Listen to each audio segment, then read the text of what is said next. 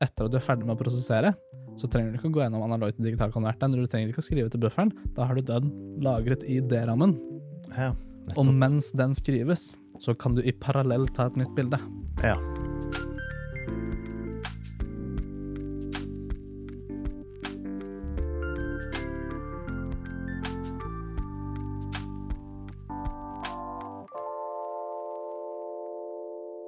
Velkommen, kjære seere, kjære ørevenner, lyttere, alle sammen.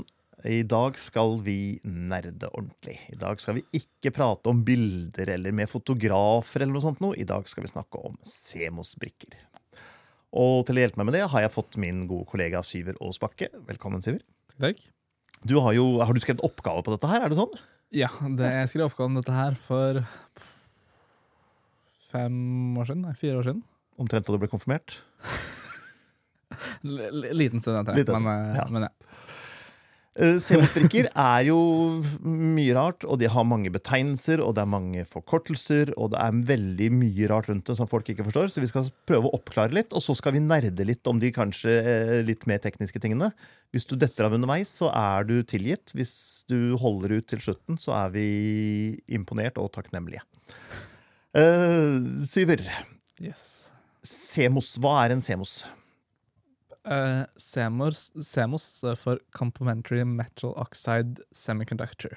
Uh, I utgangspunktet så er Semos bare en prosess for å lage en elektronisk dings. Uh, basically, det er en brikke som brukes i veldig mye rart. Uh, du har den i mikroprosessorer, du har den i, altså, i en PC, så bruker du den som en del av biosen. Uh, du har den i telefonen din, og det fungerer også som en kamerasensor. Ja, for du kan Altså- lage dem lysfølsomme. Yes. Ja, Det er jo Eh, det, er det vi egentlig skal snakke om. da Vi gidder Ja. ikke snakke om mikroprosessorer og minnekort. Nei, for i utgangspunktet så er det bare en form for prosess på hvordan du lager en elektronisk brikke. Ja. Med en P-type, altså med en N-type og en P-type med silikon. eh, Vi venter med Ja. litt lenger ut. Vi vil gjerne snakke om bildebrikka som er i kamera. For Yes. det er jo nå i praksis alle vanlige kameraer har, det, har en CMOS-brikke der. Ja, Inkludert smarttelefonen din, webkamera på PC-en din. Alt som du har et kamera i, Ja. er det en CMOS-brikke i. Ja. Det fins noen gamle ting og noen sære ting med CCD-brikker, Ja. men det er på vei ut. Ja. Vi kan komme tilbake litt til forskjellen der også. Yes.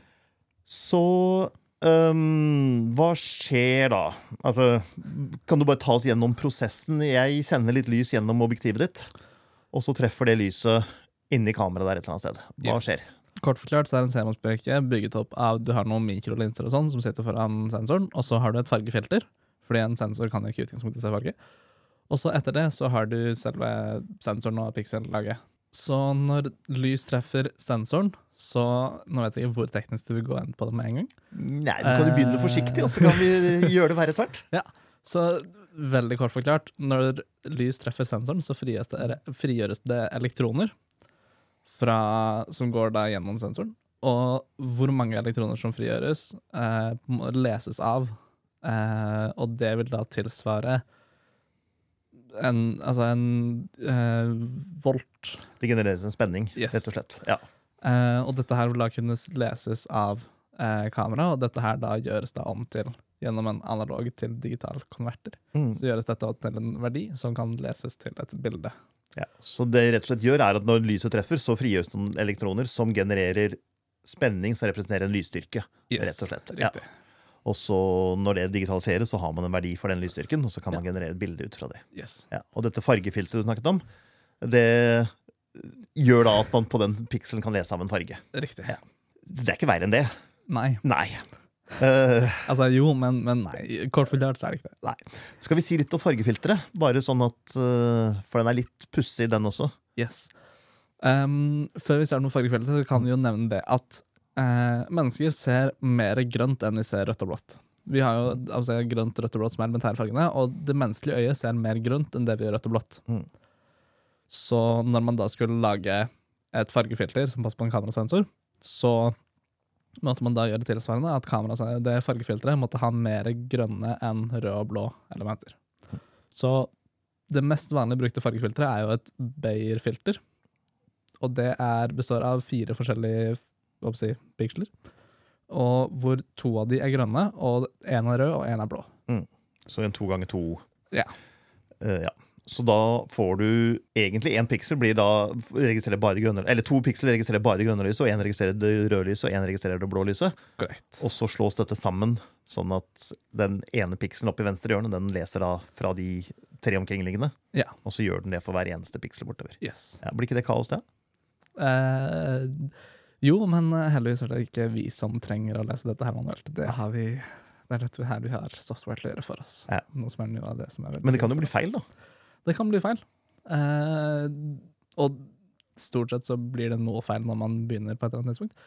Men fordelen er jo at når du har såpass mange piksler som det vi har i dag Dersom vi har nå i vanlig kamera, så har vi jo i hvert fall 24 millioner piksler. Mm. Blir det feil på to av de, så er ikke det helt krise.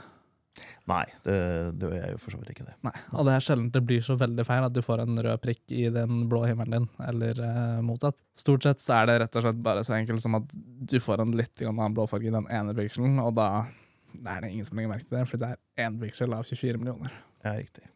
Eh, I tillegg til det så er ofte kameraene smarte nok til å se at dersom det er såpass andre farger i de omkringliggende pikslene, så kan den hente informasjon slik at, fra de andre, slik at den klarer å overskrive det. Så, Så stort sett så går det bra. yes.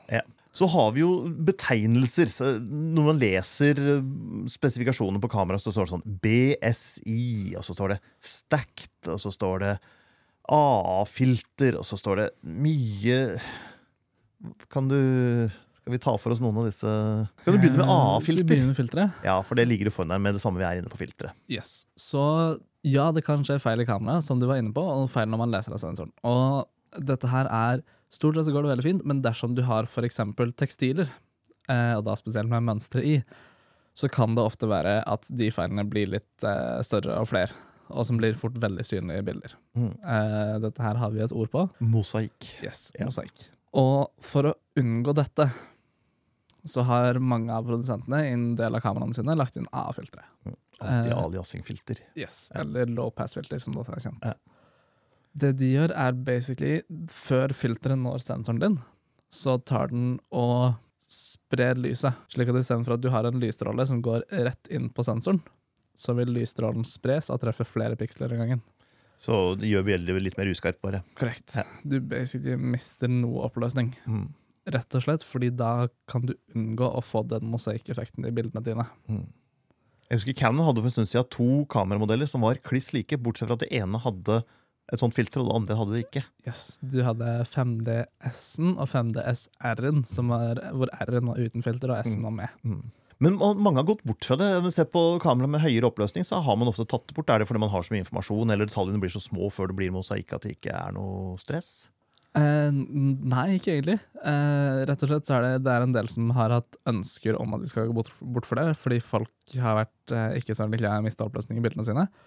Pluss at vi har jo fått mer intelligente demosakings-software. Demosaiking er prosessen hvor vi leser av fargeinformasjonen igjen, som gjøres i en råkonverter, f.eks. Photoshop, Lightroom, Capture One osv. Mm. For dette er jo ikke noe som dukker opp i bildet før du egentlig gjør den fargebehandlinga. Nei. Så hvis man vet om faren, så går det an for softwaren å, Yes. jobbe seg rundt det. Så softwaren har blitt bedre på det, og det er også rett og slett slik at folk har hatt ønske om det, og det har kameraprodusentene hørt på det. Mm. Um, men det skal jo også sies at vi har fått mer nøyaktige sensorer også, som har i større grad mulighet til å kompensere for det.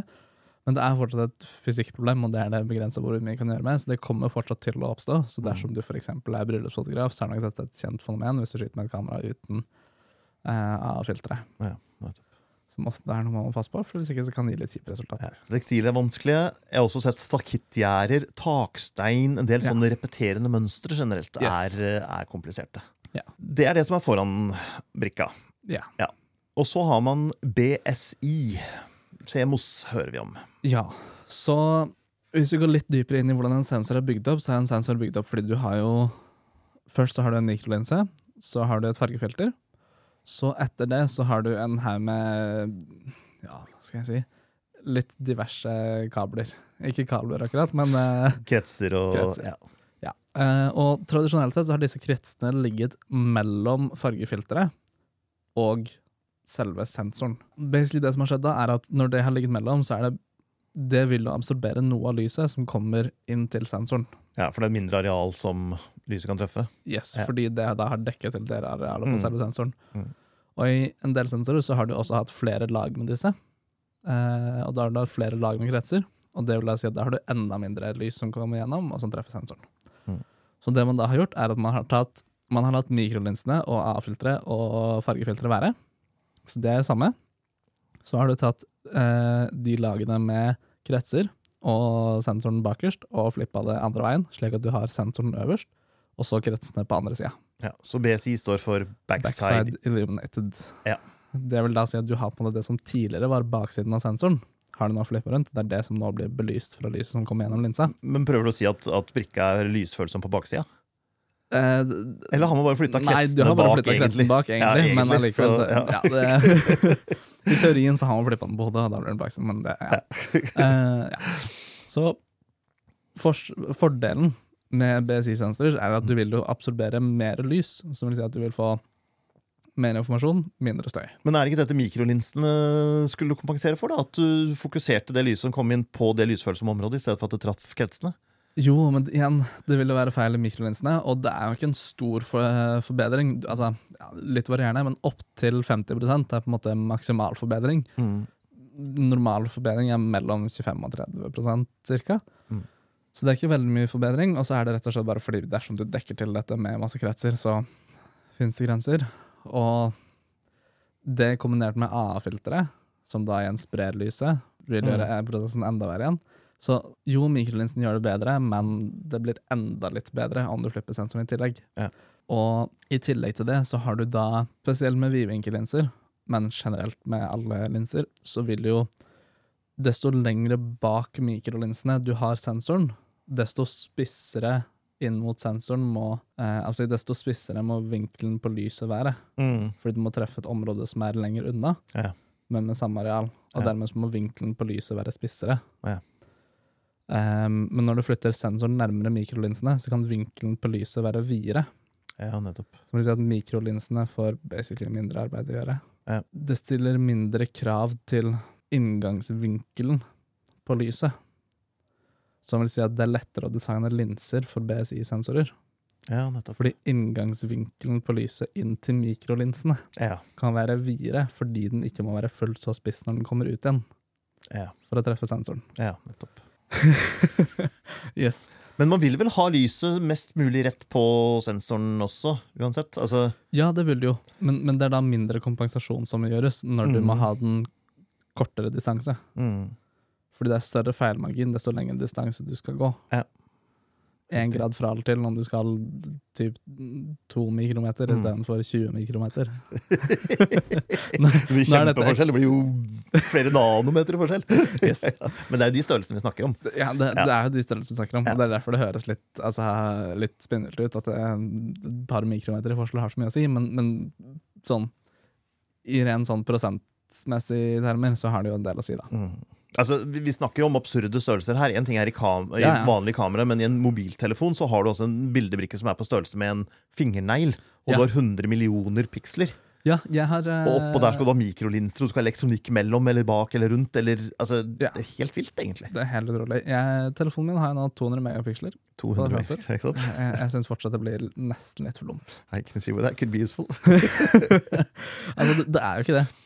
Um, men eh, Jeg satser på at vi kan klippe det, men det, der er det jo et eh, Det er vel et enda mer en Colby-sensor som gjør at den native downsampler til 12 megapiksler fra 200. Ja, altså, Kort fortalt så får du jo mer informasjon eh, når du har flere piksler. Og Ja. du har, eh, selv om du ikke bruker all den informasjonen som direkte bildeinformasjon, så kan du gjøre ganske mye med bildet. Ja. Og software kan gjøre mye, mye mer med et bilde hvis den har mer detaljer. Yes. eh, Ved å annet redusere oppløsninga. Ja. Så får du Ja, så du kan få ganske mye fantastisk ut av et bilde med høy oppløsning. Absolutt. Selv om du ikke egentlig skal ha alle detaljene der i, i bildet du faktisk får ut. Yes. Så har det nylig kommet stacked, stablet Det er ikke så nylig, det har vært noen år nå, men, Ja, men det- det er det flere det brikker som er stabla oppå hverandre? Eller? Eh, nei, det er ikke flere brikker, men det er bare flere kretser. Mm. Jeg har lov takk. Eh, Stack-sensorer kommer jo først til fullformatkameraer i A9. Så når du skal lese av en sensor, så er det ikke slik at du tar et bilde, og så fryses alle pikslene, og så bare er bildet stille. Når du leser av en sensor, så leser du av fra topp til bånn. Og da leser du av rader eh, i parallell. Mm. Eh, så du leser ikke av én og én piksel, men du leser av rader i parallell. Så det vil si at du har jo da i eh, eksempel en sensor med 45 megapiksler, så har du vel ca. 7000 rader på én side. Um, Det er litt verre, 8000, men ja. men ja. Ja. ja, litt verre, men ja, samme. Um, du har 8000 rader, 7000 rader, et eller Mm. annet. Og da starter du på øverste raden, og så går du nedover. Mm. Og de leser da alle pikslene på samme raden samtidig. Og så går de eh, Så leses de av, og så begynner man på neste rad, og neste rad, og neste rad nedover. Mm. Det fins noen kameraer som ikke gjør det på den måten, um, som kalles global shutter, hvor alt leses av samtidig. Men det er ytterst få. Og de har ganske lav oppløsning foreløpig, for de krever ganske Foreløpig har de ganske lav oppløsning, Mm. og de krever mye strøm, og de For da er man litt tilbake på CCD-lignende. Ja, Canon hadde jo en eh, Canon hadde jo for eksempel en C700, som kom med en global shutter, som var en C-mode-sensor. Mm. Eh, de kom i to varianter, en rolling shutter og en global shutter.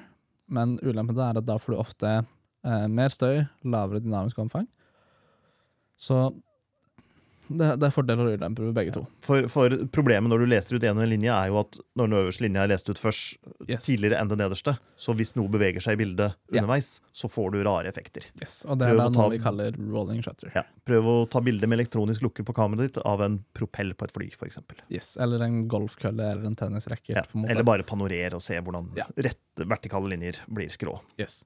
Og dette er da også et større problem på video, for eksempel. Ja. Um, fordi dette gjøres det kontinuerlig, og dette gjør da at hastigheten stort sett senkes. Mm. Så den lesehastigheten har jo alltid vært begrenset, fordi hele tidligere så har jo hele sensoren vært til å leses av.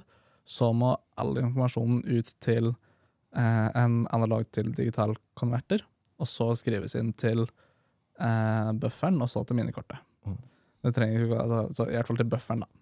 Så der stopper vi. Det vil da si at før du kan ta et nytt bilde, så må hele denne prosessen være gjennomført, og den må være ferdig skrevet til bufferen før du kan ta et nytt bilde.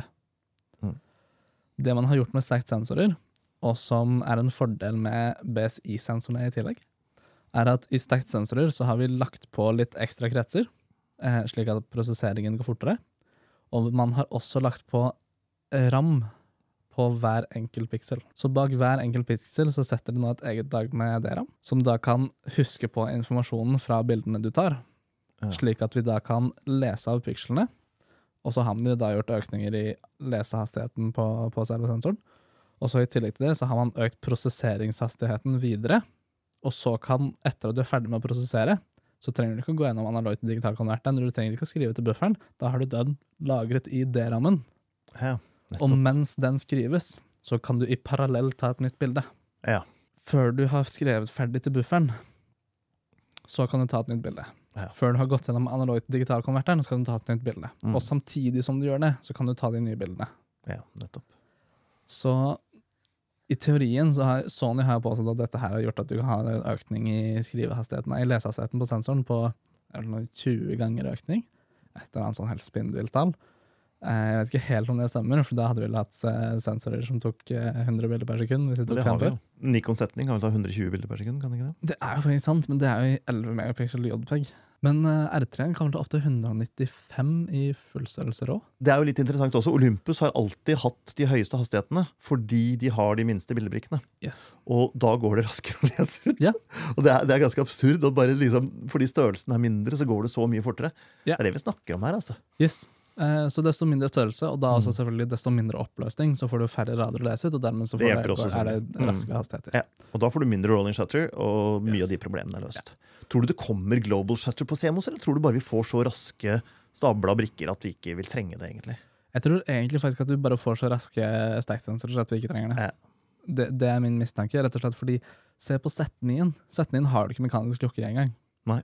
De har allerede, altså Nikon på, påstår i det utgangspunktet allerede at deres electronic shutter er så god at du trenger ikke en mekanisk lukker lenger. Og de skal jo være ganske trygge på det, for det er jo ikke et hvilket som helst amatørkamera de har slengt inn i. Det er jo nei, det er- flaggskipet toppmodell til 70 000 kroner, eller Ja. 8000, eller hva det nå koster. Men, men hadde de gjort det i liksom en Z63, da, Mm. så hadde det ikke vært like Da hadde, da hadde man også skjønt at da er de ikke trygge på teknologien. Mm. Når de gjør det i settene inn, så kommer de faktisk med en ganske, ganske god eh, statement. Ja, dette, det er litt hårete, fordi det er ganske vanlig å putte det inn i en litt lavere enn toppmodellen først. Mm. For å se både hvordan publikum tar det imot, og hvordan det fungerer teknologisk. Ja. Så å putte det rett inn i flaggskipet, det er eh, Jeg syns det er tøft gjort, det, altså. Ja, jeg synes det er drittøft. Og spesielt når du, det er ikke noe du putter inn, det er noe du fjerner. Ja.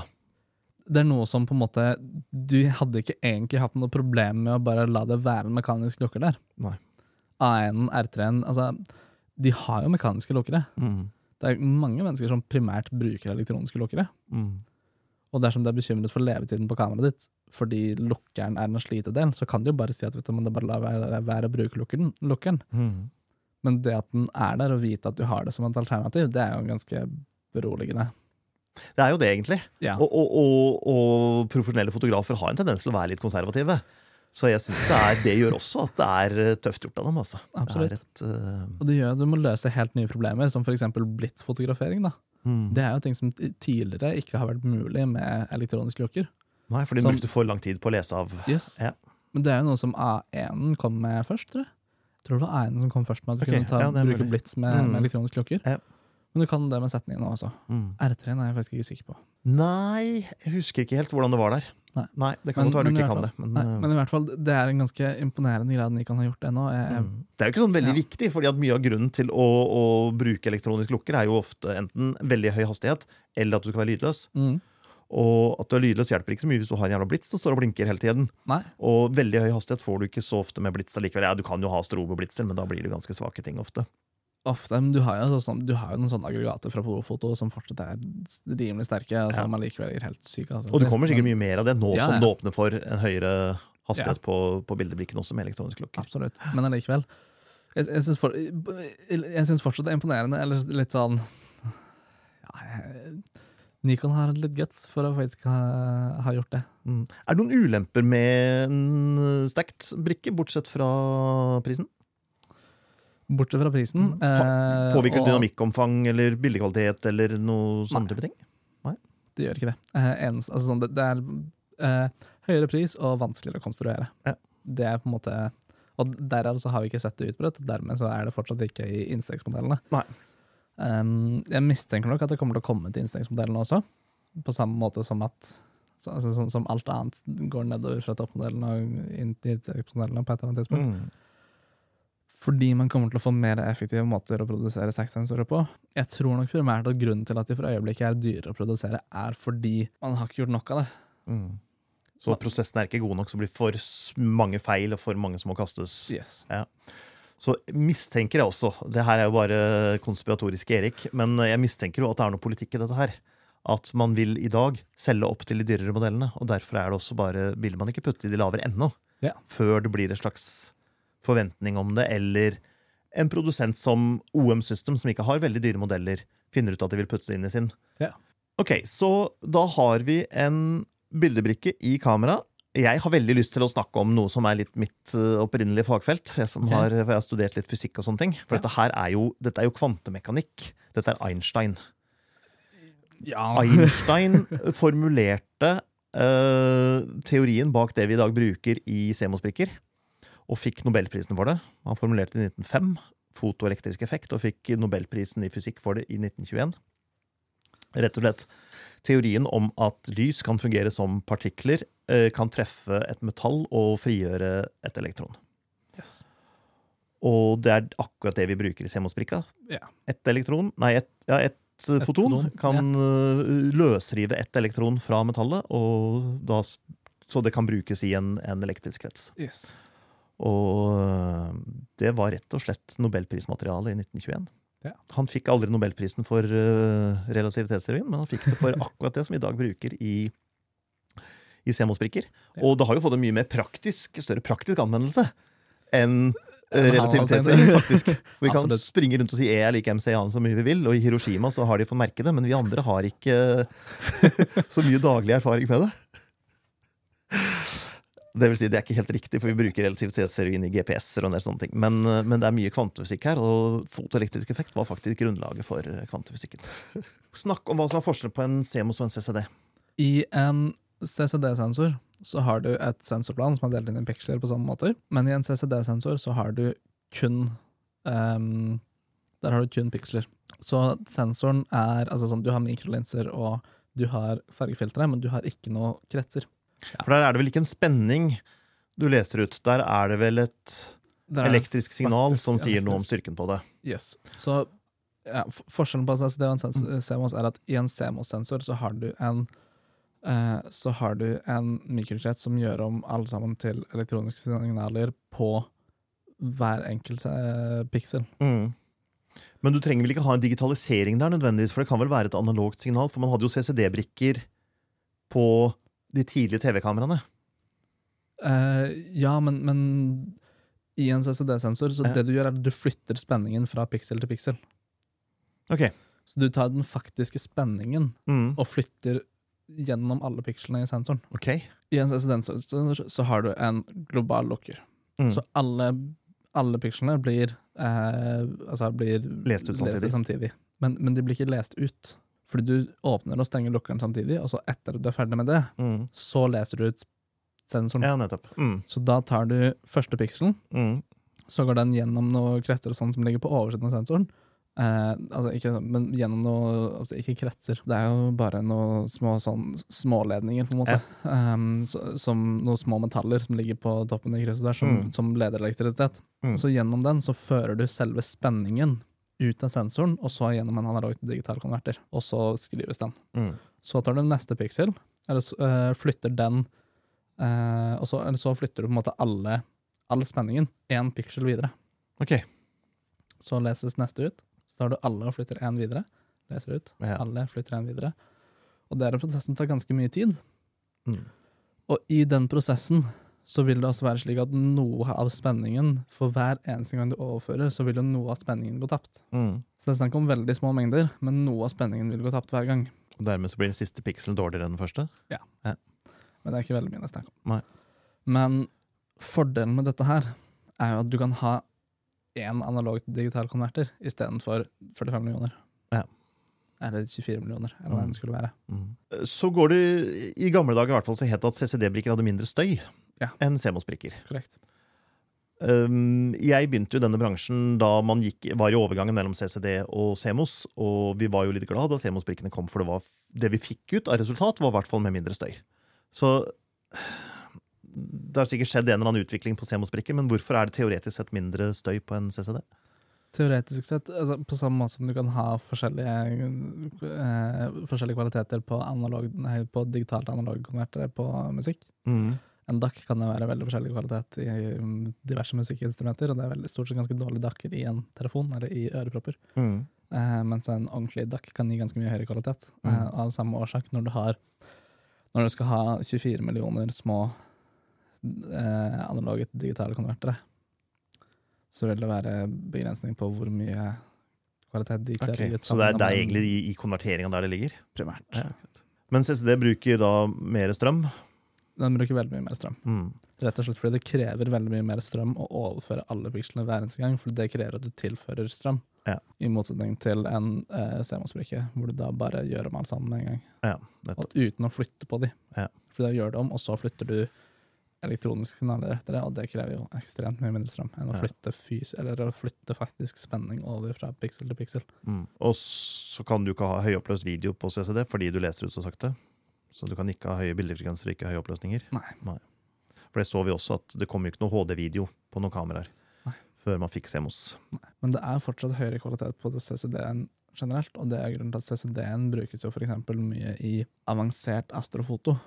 For Mm. eksempel NASA bruker jo fortsatt mye primært CCD-sensorer. CCD-sensorer produserer også mye mer varme. Fordi de bruker mye mer strøm. Yes. Ja. Og fordi, igjen fordi man må flytte spenningen. Ja. Hvis du skal ha noe som trekker veldig mye strøm og produserer veldig mye varme inn i et eh, veldig lite kamera, Mm. så går ikke det så fint. Men dersom NASA skal produsere dette i et teleskop som de kan lage så stort de bare vil, Eller som kjøles av kulda i verdensrommet. yes. Ja. eller som kjøles i kulda av å stå ute i minus 20 grader i Antarktis, liksom. Ja. Eller det er ett eksemplar som du kan putte så mye kjøling på du bare vil. Yes, for det er er kan- jo ja, et annet viktig element her, og det er vel også at en CMOS er mye billigere å lage. Ja. Er det? det er de. Og det er jo litt viktig. Ja. For de fleste kameraer, sant å si, så er jo Så Det skal være godt si. nok. Det skal Ja. ikke være perfekt. Alt her er kompromisser. Ja. Så skal det være perfekt, så må man jo lage den storformat eh, bildebrikker Ja. og så videre, og det har man jo ikke, så alt er jo kompromisser, og da er det også kanskje et kompromiss. Yes. Men jeg tror ikke det er lett å se det, altså. Nei, det er jo ikke det. det, det, er, finnes jo noen sære situasjoner, igjen sånn som f.eks. for eksempel mosaikking. At Mm. man, man ser det, men det er, det er lite man ser Ja, men mosaikk, Vil ikke det bli tilsvarende også? For det kommer jo an på fargefilter og, og den typen ting. Ja, altså, Vi hadde det mosaikk på med- CCD-brikker også. Ja, ja. Mosaikk får du på CCD-brikker også. Ja. Eh, Men bare generelt så vil det alltid være noe feil. Og det er alltid Ja, sånn, ja. Mm. Og Ja. For eksempel som mosaikking. Ja. Så det er, det er sjelden du opplever det, men det er noen feil som vi opplever. Men Mm. der har du samme problem med CCD-sensorer også. Ja. Så Så CCD er ikke for vanlige dødelige Nei. lenger, egentlig. nei, det er jo ikke det. Men ja, Ble det detaljert og nerdete nok? jeg tror faktisk det ble veldig detaljert. og nerdete. Ja. Da sier vi takk til deg som fortsatt eh, hører på og eller ser på. Hvis det er noen. Hvis det er noen. Hallo, er det noen der ute? Jeg skal begynne å banke på litt. Ja. Hyggelig, i hvert fall hvis du er der. Vi setter pris på det, og velkommen tilbake neste uke.